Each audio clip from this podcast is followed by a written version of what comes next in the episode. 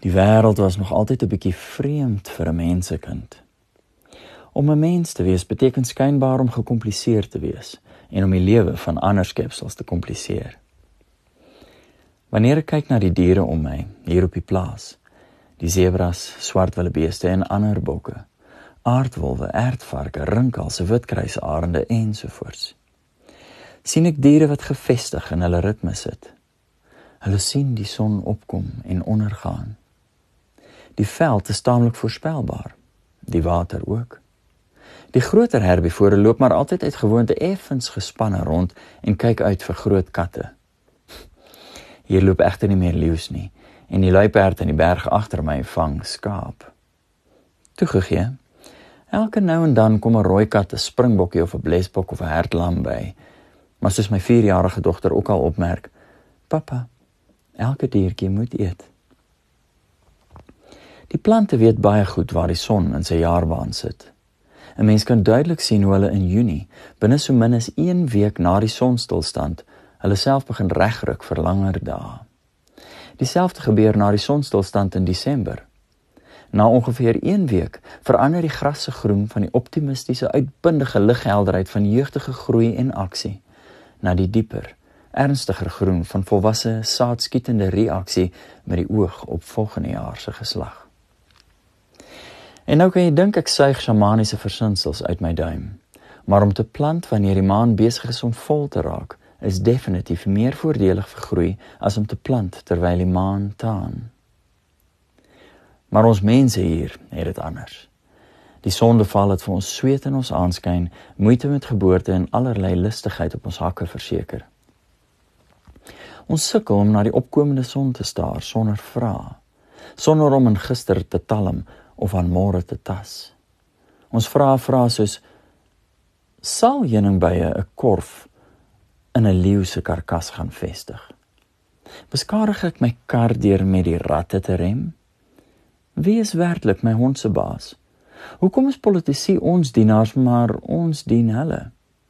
Moet ek in kripto belê? Waarom het mense rasse en diere het spesies? Wat is my prioriteite wanneer water dikker as bloed raak. Dink die ander boere ek is arm omdat ek weier om werkers te hê? Sal ek my hond skiet as hy my dogter byt?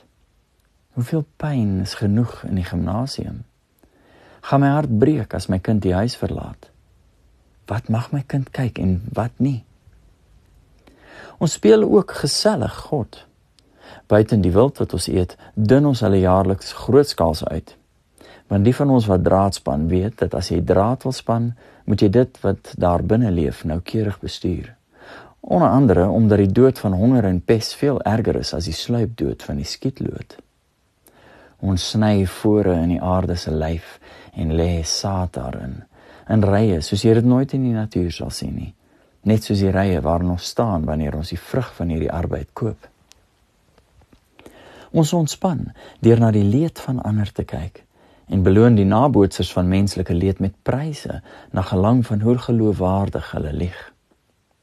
Ons vervreem ons emosies van die werklikheid van ons teenwoordige emosionele toestand deur te luister na herrangskikkings van 12 geordende toonhoogtes.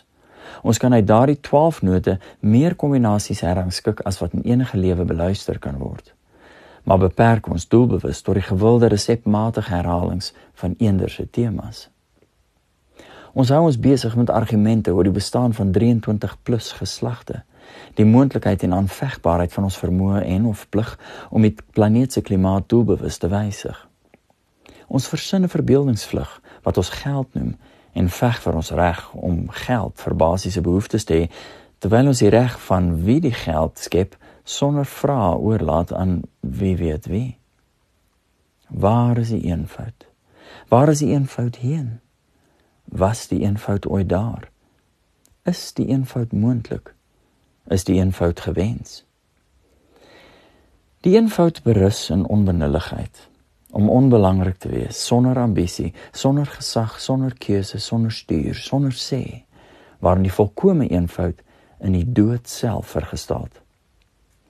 En waar die dood nie 'n opsie is nie, is daar die blywende wonderlike kompleksiteit van die lewe, die kompleksiteit van gesag, van geslag, van geld, van gruwel en geweld. 'n Mens kan daardie soort kompleksiteit egter ignoreer. Vermy, teenwerk of oorgee aan God sodat hy dit vir jou kan vereenvoudig. Die las van die verwarring van jou kan afneem. En 'n mens kan jou dan met oorgawe na eie hartstog verdiep in die kompleksiteit van die eerste lenteblaar. Die roep van die bokmakkerie, die draaiende wind, die woorde van 'n kind, die oneindige stil wentelende hemelruim, die blik in 'n beminde se oë, die glimlag van 'n vreemdeling en die onblusbare genadige uitnemendheid van die liefde.